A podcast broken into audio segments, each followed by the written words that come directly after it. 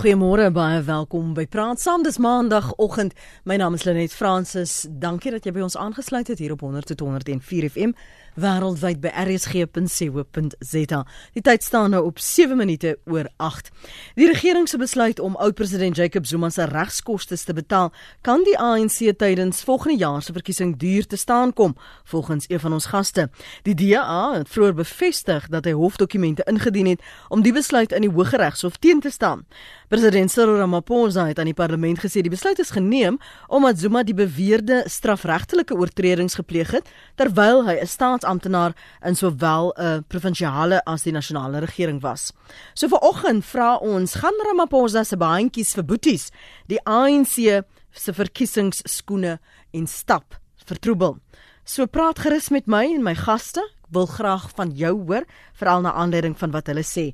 Ons gaste vanoggend is professor Dirk Coetzee, politieke ontleder by Unisa. Welkom professor Môre. Goeiemôre Lenet, baie dankie. En ons gesels ook met professor Erwin Swela. Hy is by die skool vir publieke leierskap by die Universiteit van Stellenbosch. Goeiemôre professor Swela. Goeiemôre Lenet, goeiemôre al die luisteraars. Dirk, jy is die een wat sê dat die ANC hierdie besluit duur te staan kan uh, kom is dit 'n oordeelsfout van Ramaphosa? Was dit te vinnig want hy was te ywerig om eenheid ten alle koste te verseker? Ja, ek dink wat ons hier sien is is dat president Ramaphosa is tussen twee opsies geskeur. Ehm um, aan die een kant wil hy probeer om die indruk baie duidelik te maak dat hy of die nuwe leiding van die ANC baie sterk gekant is teen korrupsie, dat hulle self self op daardie punt wil distansieer van uh, president Zuma. Maar aan die ander kant en soos ons nou weer gesien het die afgelope naweek wat daar baie sterk stemme by die nasionale uitvoerende komitee vergadering ter ondersteuning van president Zuma gewees. Ehm um, die uiteinde daarvan was ten gunste van president Ramaphosa, maar dit is nie asof hy 'n absolute dominante posisie binne die ANC het nie. En ek dink wat hy in hierdie geval op staat maak is eintlik die ooreenkoms wat president Mbeki in 2006 met Jacob Zuma toegehad het, um, nadat hy as 'n uh, nasionale president afgedank is in 2005. Um, en dit is dat hy uh, die die staat die betaling sou doen van die regskoste wat in die toekoms sou plaasvind.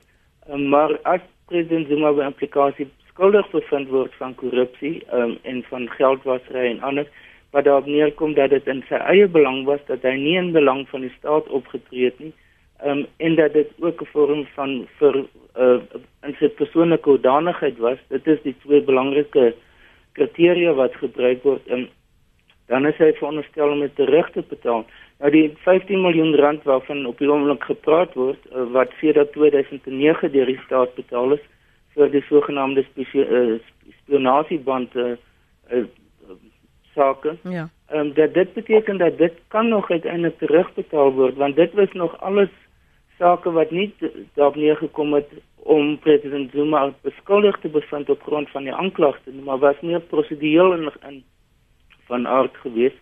Ehm um, en as hy uiteindelik na hierdie 16 aanklagtes uh voorgelê is en hy daaraan word aanskuldig bevind, dan gaan dit vir terugwerkend van aard wees. Waar dit wel 'n probleem gaan wees is byvoorbeeld met die Nkandla sake. Daardie saak is afgehandel. Daar's nie uitstaande sake wat nog kan bewys dat president Zuma skuldig is in een of ander sin um, en dat hy dus daardie um, regskoste moet terugbetaal. Daar's ook ander aspekte, ander tipe van sake wat nog steeds te, te sprake kan kom. Ek dink die die werklike punt uiteindelik uit die uit die oogpunt van president Ramaphosa is, is dat hy wil nie in 'n posisie wees waar ehm um, hy beskuldig gaan kan word dat president Zuma sê wel ek kon nie die beste moontlike regsverteenwoordiger kry nie omdat ek dit dood nie persoonlik kon bekostig nie as gevolg daarvan as ek skuldig bevind. Ehm um, en nou moet ek dit al die geld terugbetaal. Dink wat Ramaphosa in gedagte deur te sê jy kon jou die beste moontlike verteenwoordiger kry om jou te, te verteenwoordig en jou saak in die hof te stel. Ehm um, uiteindelik het dit nie gewerk nie. Jy is skuldig bevind en op grond daarvan is, is daar dan 'n verpligting om dit terug te betaal. So dan is die onus op president Zuma en nie op Ramaphosa om dis uh, om om moontlik beskuldig te kan word dat hy een of ander inisiatief of aksie of strategie teen president Zuma gehad. Mm. Ek wil voor ons verder gaan en praat ver oggend oor Zuma, oud-president Zuma en sy invloed in die faksies en hoe Cyril Ramaphosa dit moet bestuur al dan nie. Kom ons parkeer dit vir 'n oomblik en Erwin neem ons terug. Dit voel eintlik ongelooflik dat dit letterlik miskien is wat minder as 'n maand gelede is wat ons gesit het by hierdie kruispunt. Wat was die oorwegings vir Cyril Ramaphosa om tot sins te sê aan Jacob Zuma en wat hy verteenwoordig het en die nuwe era die new dawn wat hy wou inlei, wat was die balans hierdie toertjie wat hy moes uitvoer? Want hy's 'n strateeg. Maar maar wat was die werklikhede en was wat was die die onsigbare in en dit wat hy nie kon bepaal nie, maar gehoop het op. Laat ons eers gou sy posisie verstaan sodat ons kan sien wat het hy onderhandel, beloof of dan nou as waarborge aangebied toe hy vir Zuma probeer oorreed het om te gaan. Wel, in hierdie saak, uh, net is daar 'n hele aantal, kom ons sê meervoudige dilemma's. Dit uh, hang saam met uh, wie almal betrokke is en dit het nou nie net te maak met die partye wat direk tot die hofsaak betrokke is nie, maar ook uh, die hele magsbalans uh, en uh, magspel binne die ANC um, en die ANC alliansie. Dit het ook te maak met uh, aspekte van um, die die die verbintenisse wat vroeër gemaak is. Ehm um, soos dit reg uitgewys het, is daar bepaalde goed. Dit het ook te maak met 'n met 'n president wat eintlik eh, 'n uh, groot aantal ehm um, beweringe van ehm um, korrupsie, uh, bedrog ehm um, en selfs rampokkery teen hom het.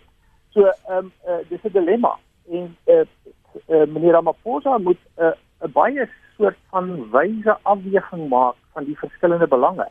Ehm uh, hy moet die party in stand hou. Hy moet sy ondersteuning binne die party moet hy konsolideer want uh, dit was aanvanklik natuurlik nou maar uh, relatief ehm um, kom ons sê 'n uh, 'n uh, uh, snypunt besluit om hom wel die die, die president van die ANC te maak en daarna die president van die land. Onthou die idee was eintlik of is eintlik grondwetlik sou meneer Zuma nog steeds die president kon wees, nê? Nee, uh, hy is eintlik nog ehm um, uh, grondwetlik uh, in staat gewees om aan te bly tot aan die einde van sy termyn. Ja. Al hierdie verskillende uh dinamiese uh, gebeure speel dan in op in die Ramaphosa wat juis as 'n strateeg en as 'n taktikus 'n stel besluite moet neem om te sê, ehm um, ek het nie hier goeie opsies nie. Hier het ek keuses tussen sleg en slegte. Ehm um, en hoe gaan ek dit nou uiteindelik doen as hier 'n baie klinkklare duidelike oplossing was vir my dilemma, dan sou ek hierdie besluit geneem het en ek sou groot ondersteuning van almal daarvoor gekry het maar in die geval is dit nie waar nie. So by implikasie moet hy nou 'n uh, 'n klomp van hierdie goed hanteer op 'n wyse manier, hierdie dilemma's aanspreek en tot 'n soort kompromis kom. Nou ons weet die belangrike element van alle kompromieë is is dat kompromieë het maniere om wel dit is eintlik wesentlik tot 'n kompromie dat almal is 'n bietjie tevrede, maar niemand is heeltemal ja. tevrede. Ja. En as 'n mens dan veral kyk na meneer Zuma, meneer Zuma is die persoon wat absoluut die grootste verliese hier kan lê. Ehm um, en die implikasie is dat dit sluit dan aan by jou kontekstualisering van die vraag. Die implikasie is as meneer Zuma nou uiteindelik soos hy self versoek het maar klaar blyklik nie te gretig is om te kry nie, sy dag in die hof sou kry. Ehm um, en hy uiteindelik 'n redelike kans het gegee wat ons weet om skuldig bevind te word en dalk 'n redelike kans om gevangenisstraf te kry. Wat gaan meneer Zuma doen? As meneer Zuma dan besluit hy gaan ehm um, sy deel van die ondersteuning wat nog tot 'n mate in stand is. Daar is 'n 'n skuif meer na meneer Ramaphosa toe in al die ANC se magstrukture. Maar terselfdertyd het meneer Zuma nog baie sterk steun in bepaalde gedeeltes van die magstrukture as ook in uh, die, KwaZulu-Natal provinsie onder veral uh, tradisionele uh, uh, uh, Zulu-sprekende mense. Nou, as hy al daai mag mobiliseer, nou hang dit ook af hy kan dit suksesvol op ons suksesvol mobiliseer, maar hy suksesvol mobiliseer en dis redelike sterk en ook redelike kom ons sê aggressiewe mag. Mm -hmm. Dan kan dit vir ons almal 'n baie groot dilemma veroorsaak. So meneer Ramaphosa moet 'n inskatting maak op 'n baie uh, deurdagte en wyse manier van al hierdie veranderlikes en uiteindelik 'n komplekse situasie hanteer met 'n kompromisbesluit. Ons kan nou net terugkeer daarheen. Connie is in die Suid-Kaap. Goeiemôre. Môre Lenet en die gaste. Ek wil net kortliks verwys na 'n aansoek wat president oud-president Zuma gebring het, 'n aansoek en onderneming gedateer 22 Augustus 2006. Ons praat van 12 jaar gelede. Toe is daar reeds twee klagtes van korrupsie teen hom ingebring en het hy daardie aansoek gerig aan die staatsprokureur en 'n onderneming gegee. Ek haal aan net die derde paragraaf. I hereby undertake to demand to refund to the state to the state attorney all costs incurred by the state attorney in connection with my defense should the court find that I acted in my personal capacity. En so gaan dit aan. Maar my vraag gaan dan verder rondom die wet op staatsprokureur. Ons weet dat die staatsprokureur eh, kan op regskwessies wat die staat raak kan hy hanteer. Uh hoe geldig sal dit wees indien die staatsprokureur dan dalk magte oorskry om geld onbeperk tot beskikking van privaat prokureurs te stel? Uh sal dit 'n wettige transaksie wees en so ook president uh Ramaphosa se onderneming dan? Hoe pas dit in mm. By die wet op staatsprokureurs? Mm.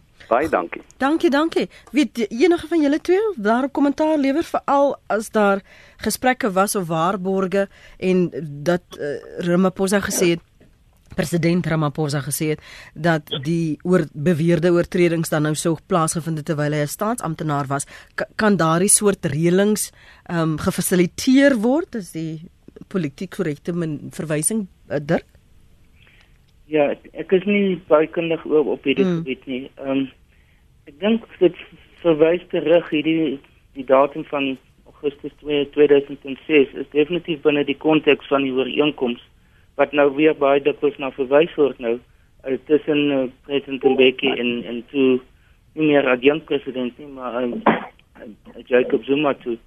Um, ek ek dink die die belangrike punt in hierdie aanhaling is verwys weer eens daarna is is dat as daar 'n gevolgtrekking gemaak word deur die hof dat enige persoon maar in hierdie geval president Zuma uh, dat hy opgetree het in sy eie belang en nie en ook in sy eie hoedanigheid en nie in die hoedanigheid van president of vroeër die hoedanigheid van LER nie en dan moet hy alles betaal. Ek dink die die die werklike punt is hier wat sal gebeur as hy as as as 'n hof as 'n hof aansoek of as 'n aanklag teen hom teruggetrek word of as hy vrygespreek word? Um, sou hy onder an, in terme van die ander scenario sou hy dan nog steeds al die geld moes betaal het um, sy sy regsondersteuning mm. en ek dink dit dit is die punt wat op hierdie stadium deur Ramaphosa um, in ingebind is in sy benadering. Is dit te sê laat die laat die in in wese die howe besluit Um, en as die hof besluit dat president Zuma skuldig was, wel dan betaal hy alles. As hy nie skuldig is nie, dan hoef hy nie te betaal nie. Um, en hierdie bedeling wat nou tot stand gekom wat in 2006 tot stand gekom het, um, in 'n sekere sin akkommodeer albei kante daarvan. Ek dink nie uiteindelik ja. is as is daar 'n moontlikheid dat as president Zuma skuldig bevind word en dit is duidelik dat daar misdaad by betrokke was soos korrupsie um, of bedrog of enige ander um, dat hy daarmee gaan wegkom nie. Dit dit dat daardie deel van die ooreenkoms is baie duidelik. Um, en ek dink dit is die wese van wat die publiek en die persone wat nou inbel wat hulle in gedagte het, is is dat um, onder onder daardie tipe van omstandighede moet die plig in die wees op president Zuma om om self sy regkoste te mhm. betaal. Daar was 'n ander dimensie ook wat veral te sprake gekom het by die spionasiebande en dit is dat senior regeringspersone die die, die reg op appel begin misbruik het. Um, en dit is dat hulle hof of 'n saak op appel geneem het. As hulle reeds geweet het dat daar nie werklik meer 'n saak het nie, maar dat dit bloot gebruik is ja. om te probeer tyd wen byvoorbeeld en dat on, onder daardie tipe van omstandighede ehm um, dit dan ook die onus is op so 'n persoon om persoonlik ehm um, die die koste te dra.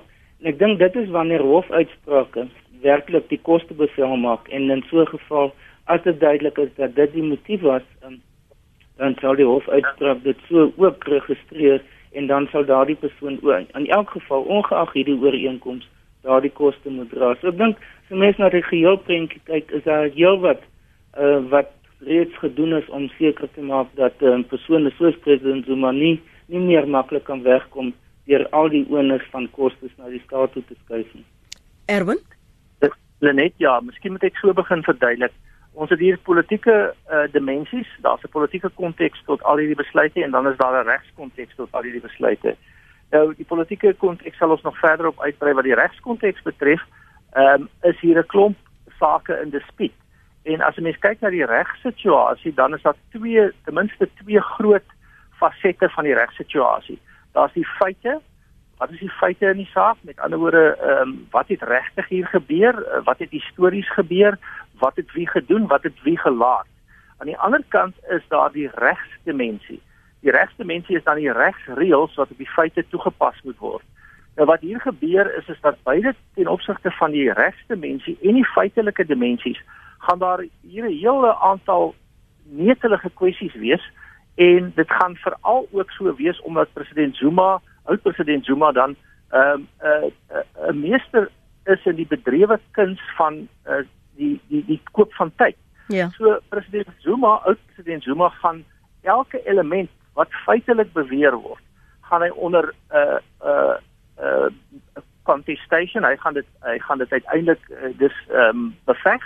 Hy gaan dit beveg en sy sy advokate onder andere meneer Halli sal argumenteer, maar hy sal waarskynlik 'n goeie uh, regspan van senior advokate kry om hierdie dinge te argumenteer om te sê die reg wat jy gebruik is nie van toepassing nie. So uh Connie se vraag is tegnies uh, uh uh baie interessant. Moeilik om op hierdie stadium te beantwoord want dis juis wanneer hierdie sake in dispuut geplaas word wat 'n mens nie maklike antwoorde het nie wat die howe die besluite uiteindelik moet neem.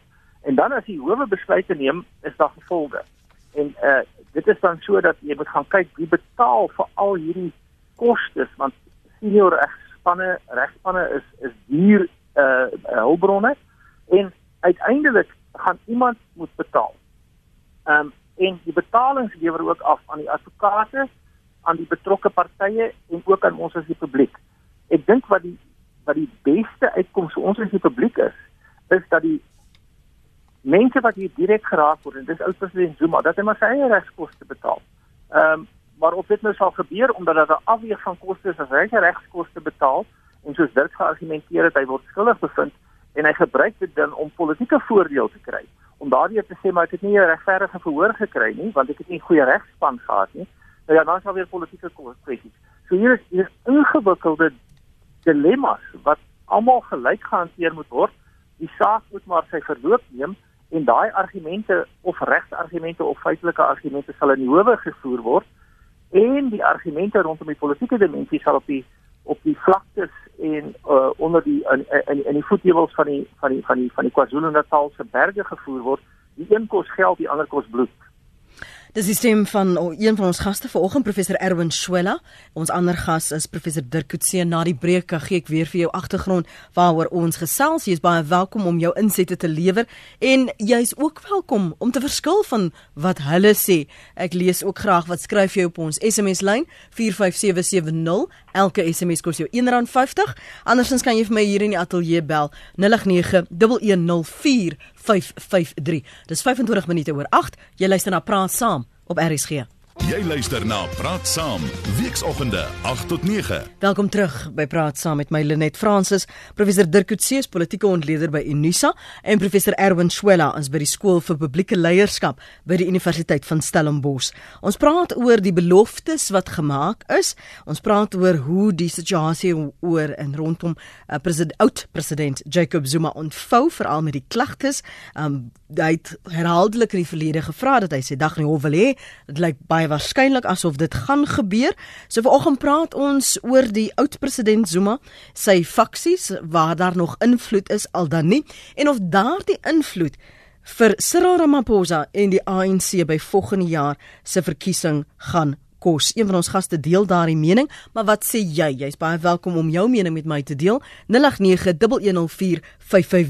Baie van ons luisteraars Dirk vra dat ek moet terugverwys na wat Erwin gespreek het oor hierdie ehm um, hy hy het dit genoem magstrukture in KwaZulu-Natal en en binne die regering ook en in hoe verre president Zuma dit kan mobiliseer om effektief die paadjie in in die die visie van die ANC vir 2019 te knak.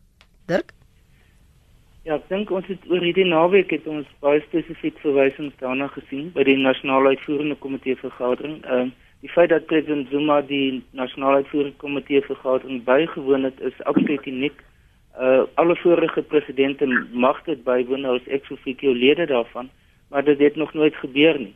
Ehm um, en die die vermoede was dat president Zuma wil sy eie saak by die nasionale uitvoerende komitee stel veral die feit dat ons nou weet dat hy op die 6de April hoogstwaarskynlik in die hof gaan verskyn. Ja. So dit is nie meer 'n uitgestelde uh, situasie nie, dis iets wat nou baie naby aan ons almal is. Ehm um, en ek dink hy begin nou probeer, hy begin nou besef dat dit 'n absolute werklikheid is. Wat wat ons die gesien het selfs voordat hy bedank het in die laaste dae voordat hy bedank het, is hoe begin byvoorbeeld in die laaste onderhoud met die dag op die dag van sy bedanking met die SAIK wat hy eintlik gedreig het um, sonder om dit uitdruklik te sê maar by implikasie dat um, as hy gaan bedank gaan daar 'n opwelling en selfs 'n op demonstrasies wees binne KwaZulu-Natal dat dit die situasie onhoudbaar gemaak dat dit die die die uh, 'n refleksie op president uh, Ramaphosa sal wees um, en dat hy en sommige mense het selfs gepraat dat daar die moontlikheid sou wees dat daar 'n noodtoestand afgekondig sou word. Nou dit is heeltemal te ekstreem, hmm. maar dit is die tipe van van uh, sentimente wat oor tyd ontwikkel het.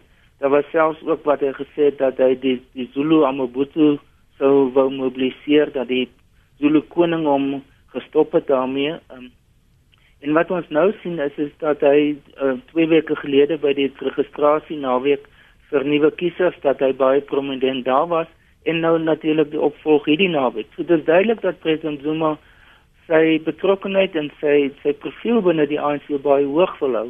Ehm um, en dit is na my mening is dit daarop gemik dat hy wil sien kyk of hy nie genoeg ondersteuning kan mobiliseer tydens sy ehm um, aanklagtes of wanneer hy verskyn in die hof sodat dit eerstens kan lyk dat hy nie meer geïsoleer dat hy nie geïsoleer is nie dat president Ramaphosa nie die, die situasie heeltemal oorgeneem het en sy mag in die ANC gekonsolideer het nie en dat dit ten minste die potensiaal het om 'n groot kopseer vir, vir Ramaphosa te kan word.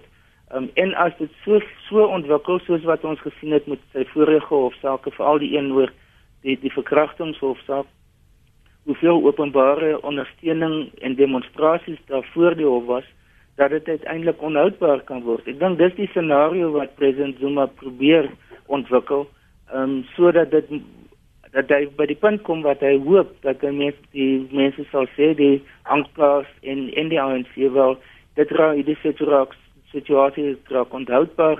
Ons kan nie meer daarmee aangaan nie. Ek dink dit dit is die die ekstreme scenario wat geskets word. Um, maar wat ons wel sien is dat binne die ANC was daar 'n poging geweest voor hierdie nasionale uitvoerende komitee om 'n besluit te kry dat die ANC amptelik president Zuma in tydens sy hofsaak sal ondersteun. Dit het misluk. Um, en ek dink dit is die belangrike aanduiding van die die naweek se se vergadering dat Ramaphosa aan daardie opsig die, die meerderheid steun binne die nasionale uitvoerende komitee het. Die besluit is nou is dat individue kan president Zuma ondersteun, maar hulle mag dit nie in die naam van die ANC doen nie. Hulle mag nie ANC soos hulle sê regalia gebruik T-shirts en en ander uh, kledingstukke en vlae nie. Um, en dit beteken dat president Zuma in 'n groot mate geïsoleer is uh, as dit kom by hierdie uh, hofsaak. Maar die onbekende is wat gaan in KwaZulu self, uh, KwaZulu-Natal self gebeur. Tot watter mate gaan daar 'n mobilisering wees? En gaan daar duidelike tekens van ondersteuning vir president Zuma is? En En dit gaan bepaal hoe die ANC vorentoe daarop moet gaan gaan reageer. Gerard, dankie vir die aanhou môre. Ah, hartlike goeie môre aan julle almal. Uh ehm ehm net jy en jou gaste. Kan hy ou nie dalk uh in sy afwesigheid skuldig bevind word nie, want ek sien hierdie dinge kom. Hy gaan hy uh mooi vliegtuie wat hy gebeere het, gaan hy oor see vlug en hy gaan uh, asiel kry by ander plekke in dis dit. Wat sal jou gaste daar sê? Dankie hoor. Dankie Gerard. Ek weet nie of hy sal vlug nie. Mm -mm. Hy wou nie gaan toe aan die geleentheid gebied is nie want hy het volgens hom niks verkeerd gedoen nie. Kom ons hoor met wie praat ons nou môre? David. Daar sê dankie David. Môre Lenet. Ek wil uh, terloops ek hoor daar word verwys na president Zuma. Hy's nie meer president nie. Hy's nou net 'n landsburger soos ek en jy. Maar ek wil 'n voorstel maak waarom die uh soos die Engels sê the powers that be, waarom hulle so so met katvoet loop om Zuma. 'n Mens sal onthou dat 'n kort rukkie gelede toe die raakontslaaf van Zuma beweging baie momentum gehad het, hoe hy gedreig het dat as hy val, dan vat hy die hele huis saam met hom. Dan gaan hy inligting verskaf wat al die ander geraamtes in die kas wat nog wegkruip ontbloot. En 'n mens vermoed daar's 'n hele klomp mense wat baie seer kan kry. 'n Mens kan maklik raai dat die die wat eerlik is en en totaal skoon gewete is, is het kan jy kan jy tel op die vingers van een hand. So daar's miskien baie mense wat baie rooi gesigte gaan hê en baie skaam gaan kry as die waarheid behoorlik uitkom wat Zuma gedreig het. Ek stel voor dit is een van die groot redes waarom daar so versigtig gewerk word met hom. Dankie vir die geleentheid om te praat. Baie dankie David. Dis 27, nou is 26 minute voor 9. Oud president Zuma is 'n strateeg Erwin. Hy gaan nie sommer weghardloop nie.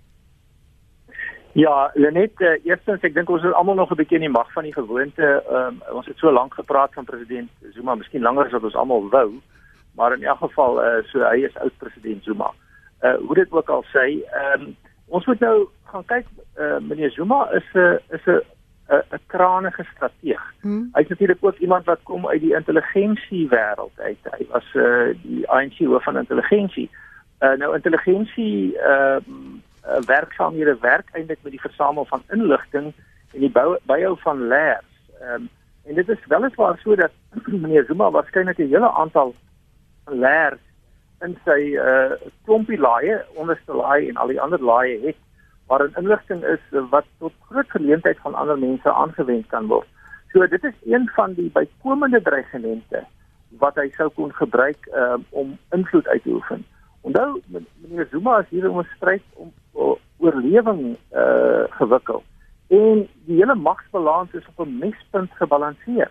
Ehm um, as jy mens gaan kyk na al die verskillende instansies binne die ANC wat eintlik invloedryk is en waar 'n mens jou uh, jou mag moet um, konsolideer, uh, dan dan is meneer uh, uh, Ramaphosa dink ek nou effens sterker af as net na die die verkiesing. Uh, uh, die kabinet kon hy self saamstel. Met ander woorde dit uh, die kabinet is waarskynlik so geplooi ook onder druk maar uh, dat dat dit in sy guns is. Uh, die parlementêre caucus was altyd in sy guns. Die vroue liga is verseker nie uh, in sy kamp gewees nie, maar met bepaalde uh, maniere waarop hy dit gehanteer het met met met kabinetsposte is hulle miskien ook nie so gevaarlik nie.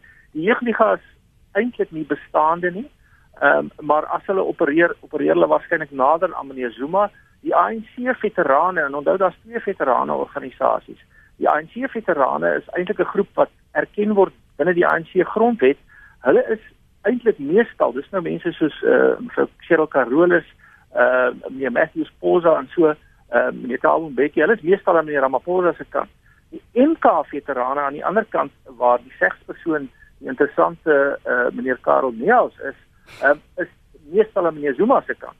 Binne die provinsies is daar verdeling, maar dit lyk asof meneer Ramaphosa sy mag daar gekonsolideer het. KwaZulu-Natal is 'n kwessie binne die takke wat binne die provinsie funksioneer, sal die provinsiale verteenwoordiging tyd dan wys. En dan laastens binne die drie party alliansie is die SAKP en COSATU aan meneer Ramaphosa se kant en eh uh, ehm um, die ANC natuurlik nou ook so daar het hy eintlik sy mag gekonsolideer. Wat ek dus hier sê is hier is nog 'n magstryd in al hierdie magsliggame van die ANC en veral binne die binne die KwaZulu-Natal provinsie, eh uh, die vroue liga en as meneer Ramaphosa hierdie steun verloor deurdat meneer Zuma 'n vorm van Zulu etno etno mobilisasie doen Ehm um, wat nie onmoontlik is nie, uh, die die die die die die die Zulu-sprekende gemeenskap is verdeel tussen 'n groep mense in die stede meestal wat modern is en 'n baie baie sterk tradisionele gedeelte. Maar nou is dit ook nie net hoeveel mag jy kan mobiliseer nie, wat doen daai mag? Ons weet dat uh, die Morani kommissie het bevind dat in KwaZulu-Natal is daar 'n groot klomp uh, politieke of dan selfs kriminele moorde ja. gekoppel aan die politiek. Ja. Dit kan chaos veroorsaak. So weer eens uh, dis nie sommer net geinstorm hier nie. Dis nie 'n plek hier waar jy die towenaar se vakleerling kan gebruik nie. Hier moet jy baie wyse besluite neem, belange afweeg, rustig optree, uh, deurdag optree. En ek dink meneer Ramaphosa en sy raadgewers doen dit op hierdie stadium redelik goed, maar dit is ook nie onmoontlik dat verkeerd kan loop nie. En dan is dit nie net gevolge van meneer Zuma nie. Dit is gevolge vir almal van ons. Want dan het dit die potensiaal om 'n ernstige konflik te veroorsaak. So wat sal nodig wees om te verseker dat die sondes van die verlede, soos in die geval van meneer Zuma se beweerde strafregtelike oortredings, nie spook by die ANC tydens volgende jaar se verkiesing nie. Vir wie stuur jy in? Duidelik sê Erwin Schuella en ek haal hom aan. Jy kan nie die towenaar se vakleerling hier gebruik nie. So wat is nodig? Sissel, wat sê jy? Goeiemôre. Môre hulle net dis Sissel wat praat. Ja. Luister, ek wil net vra vir die die kundiges daar. Hierdie kostes wat meneer Zuma nou so aangaan met betrekking tot hierdie uh, ap appelle en daai goed jy weet waar daar waar absolute vergeefste kostes. Het die tyd nou nie aangebreek nie. Ek dink daar is voorsiening in die wet dat hy vooraf waarborge moet verskaf ter opsigte van die koste van ten minste die klaas of dan nou ook die ja die die klaar die die die die die ouens wat die klag klagte teen hom bring. Want hy weet dat sy saak is te vergeefs nog staan appeleer hy en dit is soos ons weet dit is was nog altyd te vergeefs maar kan daar nie nou aangedring word dat hy moet vooraf die die nodige waarborge verskaf ten opsigte ten opsigte van daai vergeefste. Goed so, dankie. Goed, Ons sal vir vir ons gaste vra, kom ek lees eers wat skryf van ons luisteraars hier op ons sosiale media. Julle ek gaan sommer so 'n string lees op 'n slag en dan gaan ons asem skep en dan kyk ons wat julle uh, nog vra en wil weet. Een sê Ramaphosa en Zuma is albei ANC. Ramaphosa beskerm Zuma. Hannes sê op watter stadium kan gevra word dat Zuma se paspoorte ingetrek word en hoekom vra geen oppositieparty daarna nie? Uh, nog 'n luisteraar is Rika van die Parel wat sê Ek dink dit is een van die voorwaardes waarop hy bedank het dat sy regskoste betaal word. Meneer Ramaphosa was so desperaat dat hy ingestem het, sê Rika van die Parel. Kiri sê, "Vra net vir jou gaste wat sal met Zuma gebeur as hy sou verloor en nie geld het om te betaal nie." Rudy van Sail sê in Kantla is nie afgehandel nie. Nommer 1 moet nog die byvoordeelbelasting betaal op die volle bedrag van die huis behalwe die 7.2 wat inbetaal is. Boete en rente is ook uitstaande. Op Gouda sê Samuel Walters, uh, Zuma kan nog die hofsaak wen en die staat dan dagvaar vir kwaadwillige vervolging. En Lydia van Rooyen skryf: "Die ANC moet die kostes dek, die wat vir Zuma gestem het. Dis nie die res se probleem nie. Dis baie onregverdig." Na die breek praat ons verder saam. Praat saam op RSG. Dis die een. Welkom terug by Praat Saam. Dirk, jy het geluister wat sê uh, Sissel oor die kostes van Zuma en dis was een van die punte wat jy ook belig het dat dit hulle duur te staan kan kom want dit kan baie maklik daardie regskoste die die verkiesingskwessies en veral die ANC's en oorheers. Ja, dit dit is baie moontlik en ek dink president Zuma gaan definitief 'n be belangrike faktor in volgende jaar se verkiesing wees as as 'n tema, as 'n fokuspunt van die oppositiepartye in die eerste instansie die DA maar selfs van die EFF ongeag wat nou op hierdie stadium die die soort van die toestand is van toenadering tussen die twee partye. Ehm um, ek dink een van die groot dilemma's vir die vir die ANC is is dat die die die tydsberekening van president Zuma se hofsaak kon nie op 'n slegter tyd vir hulle gekom het nie uh, want ons weet nou die ons en ons het dit ook weer eens gesien met die afgelope naweek se vergadering. Die ANC is reeds besig om voorbereidings te tref vir die verkiesing vir hulle nominasieprosesse in September Oktober. Dit lyk asof die verkiesing in Mei volgende jaar gaan plaasvind. En dis dan ook wanneer dit heel moontlik hierdie uh, hofsaak regtig kan begin. Um, en as die twee uh, gebeure saamloop kan dit beteken dat dit wat in die hofsaak gebeur um, en die die ontblotings wat daar plaasvind, die die getuienis wat op die tafel uitgespel word, dat dit nie net vir president Zuma en terloops president Zuma is president Zuma, want net soos ambassadeurs en professors en ander mense behou hulle titels, ehm um, dat dat hy dit wat hy daar gedoen het, ehm um, kan oorspoel ook na ander persone in die ANC en dat dit 'n verwysing na die ANC se bestuur van die afgelope 10 jaar in die algemeen kan wees. So dit dit op sigself dink ek is 'n uiters groot kopseer vir die ANC en natuurlik baie amnestie vir die vir die oppositieparty. Ehm um, die die regspersone wat al oor hierdie saak gepraat het antisipeer dat dit 'n lang hofsaak gaan mm, word want daar mm -hmm. kan tussen 100 en 200 getuies wees wat geroep moet word deur die staat. Die voorbereiding daarvoor gaan baie lank neem. So dit is hoogs onwaarskynlik dat daardie hofsaak reeds vir jaar gaan begin. Ehm um, en dit alles beteken dat hoe nader dit na die verkiesing toe gaan, hoe meer gaan die temperatuur opstyg. Um, en gaan dit vir die ANC 'n 'n eislike kopseer wees. Ehm um, president Zuma gaan natuurlik dit gebruik omdat hy besef dat daardie die die tyd die tydsmoment wat daar sprake is, hy kan kan eksploiteer ook ter wille van sy eie uh, voordeel tydens die verkiesing dat dit vir die ANC baie moeilik gaan wees om hom heeltemal uh, stil te maak tydens die verkiesing veral in KwaZulu-Natal. Um, en dit, hy kan dit baie maklik gebruik ter wille van uh, mobilisering vir ondersteuning vir hom as persoon en nie, nie noodwendig die ANC nie.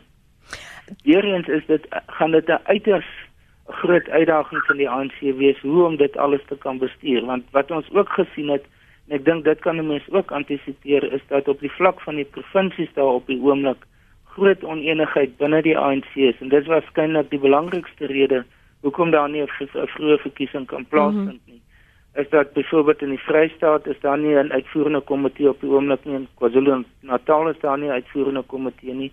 Dis so Cebu Cebu Ndebele ehm um, verslag oor die Ooskaap is op die is op die oomblik op die tafel groot verwydering vir deeltyd in in die Noordwes provinsie en so kan mense aangaan.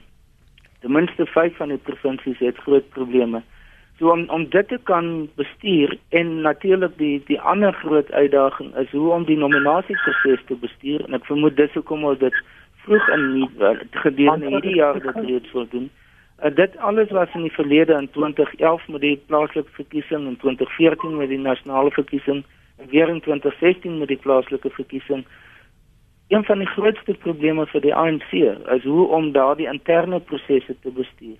En ek dink dit alles tesame met president Zuma se situasie, die hofsaake, gaan 'n eislike uitdaging wees mm. vir vir die ANC en dan natuurlik vir die leierskap van president Ramaphosa. Ek ek weet Sissel het spesifiek gepraat van die finansiële waarborge wat ja. ge, gevra kan word van die president, maar, maar ek wil dit werklik weier gooi uh, Erwin want wat is die waarborge wat Cyril Ramaphosa verseker weet? Op wie of wat kan hy staat maak as uh, oud president Zuma dan so onbestuurde faktor is en 'n onvoorspelbare faktor is Dirk het verwys na die vyf provinsies wat al reeds probleme het. Ons weet uh, dat Gauteng nog altyd baie genee was om om vir Ramaphosa um, te ondersteun. Jy het net nou gepraat van die jeugliga, die vroue liga. Wat wat weet hy verseker?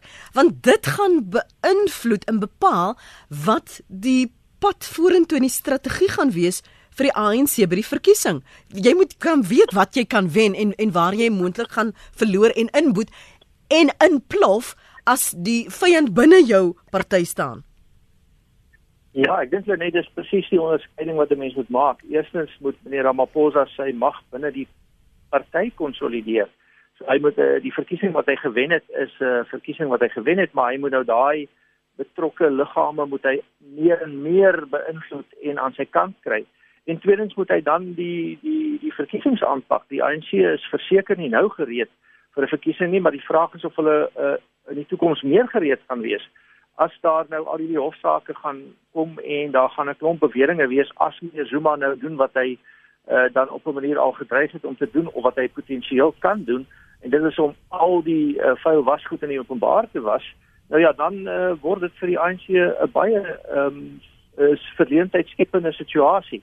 Uh as ons dan gaan kyk dan na uh, na die ANC se situasie, dan dink ek moet 'n mens daarom ook net uh, sê dat uh, daar is nou die faktor van meneer Ramaphosa wat op een of ander manier uh, mense wat uh, sê nou maar um, matig vervreemd geraak het van die ANC voor voor ondersteuners ehm um, op bepaalde plekke weer terugbring na die party toe.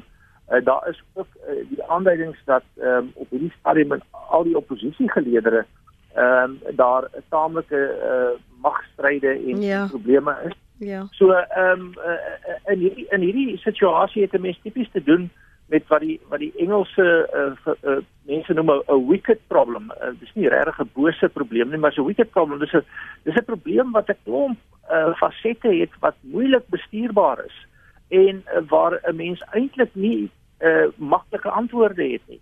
Ehm uh, wat die idee van jy neem 'n sterk leiersbesluit uh, en jy gaan voort. Ramaphosa en so dink ek uh, verwag vele van van van ons luisteraars dat meneer Ramaphosa moet nou sterk leierskap vertoon. Hy moet hy moet hier optree. Hy moet uh, meneer uh, Zuma teen alle koste laat vervolg. Meneer Zuma um, uh, moet moet in die tronk beland. Uh, Daar's ook hierdie gevoel dat ons wil ons wil eintlik 'n vorm van vergelding sien. Maar as meneer Ramaphosa dit op 'n onsensitiewe onwyse manier doen, dan kan hy hierdie Pandora se kussie oopmaak. Ehm um, so uh, om om jou vraag te antwoord om hierdie goed presies in te skat en te sê hier is nou die antwoord. As dit so maklik was, dink ek sou ons dit gekry het. Hmm. Nou is dit ongelukkig nie so maklik nie. So ons kry nie 'n eenvoudige antwoord nie. En op 'n of ander manier is ons nou besig om maar so deur die ding te maal en te kyk wat uitkom en elke situasie skep nuwe vrae en probleme. Meneer meneer Zuma se se probleme soos ons reeds gesien het oor die naweek is nog nie op die einde nie. Daar's nog beweringe van ander korrupsie. Ja. Wat word nou van die kostes verbonde aan daai sake? Ehm um, en so kan ons onsself besig hou ehm um, hopelik uh, met minder as gesonde of uh, kieslik met minder as gesonde vermaak oor jare nog. Ehm um, maar daar daar sal optrede kom en ek dink vir die oomblik dan wat wel hier plaasvind is demokrasie is lerende organisasies. Ek dink 'n klomp lesse word hier geleer. Ek dink die enige volgende president gaan weer 'n Nkandla oprig nie. Ek dink die enige volgende president gaan die verwagting hê dat hy hiermee kan wegkom nie. Mm. So ons demokrasie het hierby gebaat. Ons leer en ek dink ons is uiteindelik op 'n vreemde manier beter af as wat ons vroeër was, alhoewel ons nou deur 'n klomp uh, uh stres en pyn gaan. Louis van die Kerk skryf hierdie was 'n ooreenkoms om Zuma te ooreed om te bedank as president. Meneer Ramaphosa het die situasie op daardie stadium ontlont wat kon gelei het tot 'n groter probleem. Meneer Zuma weet ook dat hy groot moeilikheid het en dat hy heel waarskynlik skuldig is, maar wil belastinggeld gebruik om die saak so ver as moontlik uit te rek. My vraag is egter is meneer Zuma in staat om die gelde terug te betaal indien hy wel skuldig bevind word? Wallis skryf, dan net skreiend dat hierdie ongeluk wat ons land getref het, so versigtig ontleed word met allerlei tydsverloop, diefstal, vertragingstaktiek wat meer tyd as voete sleep voortbring. 'n Dispuut tussen 'n werkgewer en 'n werknemer is immers duidelik die werkgewer se prerogatief om pensioenvoordele te weerhou totdat opgeloopte dispute uitgesorteer is, is mos duidelik 'n weg om te volg om hierdie aangeleentheid te fasiliteer. So ek wil vir julle vra ter opsomming uh, vir vanoggend se afsluiting van ons gesprek dan Dirk was Cyril Ramaphosa, president Cyril Ramaphosa se verwysing na 'n new dawn. Maar net retoriek want dit klink so kwaai in ver van die werklikheid wat binne die land en binne die ANC aangebeur is. Nee, ek dink nie dit is die geval nie. Ek dink as 'n mens luister na die gemoed van die meeste Suid-Afrikaners, as 'n mens sien wat nou die afgelope naweek gebeur het met Moody's se aankondiging, ehm um, as 'n mens sien hoe die ekonomie besig is om daarop te, te reageer in die algemeen, ehm um, as 'n mens sien die ontvangs van Su- Suid-Afrikaners of die Suid-Afrikaanse regering in verskillende forums uh, in die internasionale gemeenskap, dan alles lyk dit positief. Ek dink wat ons vanoggend nog nie gesê het nie is dat dit wat ons oor praat is eintlik die normale gang van sake in meeste demokratieë in die meeste lande. Dit wat ons eintlik wil sien kan net gedoen word in ondemokratiese, autokratiese omstandighede in lande soos Ethiopië of Rwanda wat nou ba as baie goeie voorbeelde genoem word van hoe 'n land bestuur moet word. Ek dink niemand wil polities daar betrokke raak nie omdat dit so so autokraties van aard is. So dit is die wese van ons. Ons is 'n is 'n leide vermoerige demokrasie op die oomblik wat nie netjies funksioneer soos wat baie mense dit wil hê nie, maar dit is die werklike definisie van demokrasie is om ruimte te skep om diversiteit in die poli in, in politieke terme te skep. So in, in daardie opsig dink ek het president Ramaphosa dit teruggebring. Hy het dit weer die politiek weer oopgemaak, hy het die ekonomie weer optimisties gemaak. Um, en ek dink dis 'n nuwe begin. In my gemoed sien ek dit eintlik as die tweede oorgang in Suid-Afrika. Die eerste een was in 1994 en ek dink ons is nou in die proses van 'n tweede oorgang om 'n 'n relatief nuwe bedeling weer tot stand te bring of 'n nuwe bedeling te herin te stel wat miskien in die verlede daar was. Net om af te sluit, ek dink dit wat ons nou oor gepraat het vandag is nie 'n Ramaphosa se ooreenkoms nie.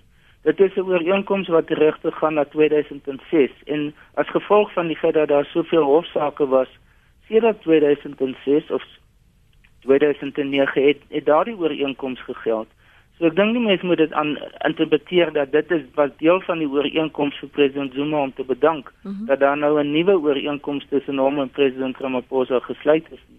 Ehm um, want dit beteken dan dat dit eintlik 'n 'n ondertafelse onderduimse ooreenkoms is waar waarvoor ons nou betaal. Hoor jou. Jou slotgedagtes vir vanmôre en jou gemoed uh, binne 'n so 'n minuut Erwin? Wel, uh, Lenet, ek dink ons moet eers sê dat ons was in 'n absolute stormagtige donker nag en dis as daar 'n uh, glimmering van van 'n sonsopkoms is, is dit eintlik 'n vorm van 'n nuwe uh, dagbreek. Uh laat ons dan ook sê dat uh, uh, demokrasie is nie perfekte politieke stelsels nie, maar dit is so ongeveer die beste wat ons het onder die omstandighede. En uh demokrasie demokrasie het nie uh, onmiddellik antwoorde nie, maar het maniere en prosesse om antwoorde te soek en uit te soek en te toets en te verbeter. So ehm um, ons kan maar baie dankbaar wees dat ons in 'n demokratiese bestel is uh, vir ons almal se se se se doeleindes en ons moet veral versigtig wees dat ons nou met die idee wil begine werk dat ons moet teruggryp na forme van autokratiese totalitêre benaderings waar ons mense se regte ontneem um, en daar skommer oor ander regte ook um, want as ons eers op daai glibberige uh, glybaan is dan het ons groter probleme ons moet maar werk met hierdie morsige aspekte van demokrasie want daar's ook 'n klomp baie goeie aspekte van demokrasie waarby ons almal baat en veral die beklemtoning is grondwetlike demokrasie. Ons moet die grondwet in stand hou en die grondwet behoorlik gebruik tot ons almal se voordeel. Baie dankie professore Dirk Coetzee en Erwin Swela vir julle beskikbaarheid vanoggend op praat saam. As jy weer na ons pot gooi wil luister, gaan gerus na ons webblad. Dis by rsg.co.za.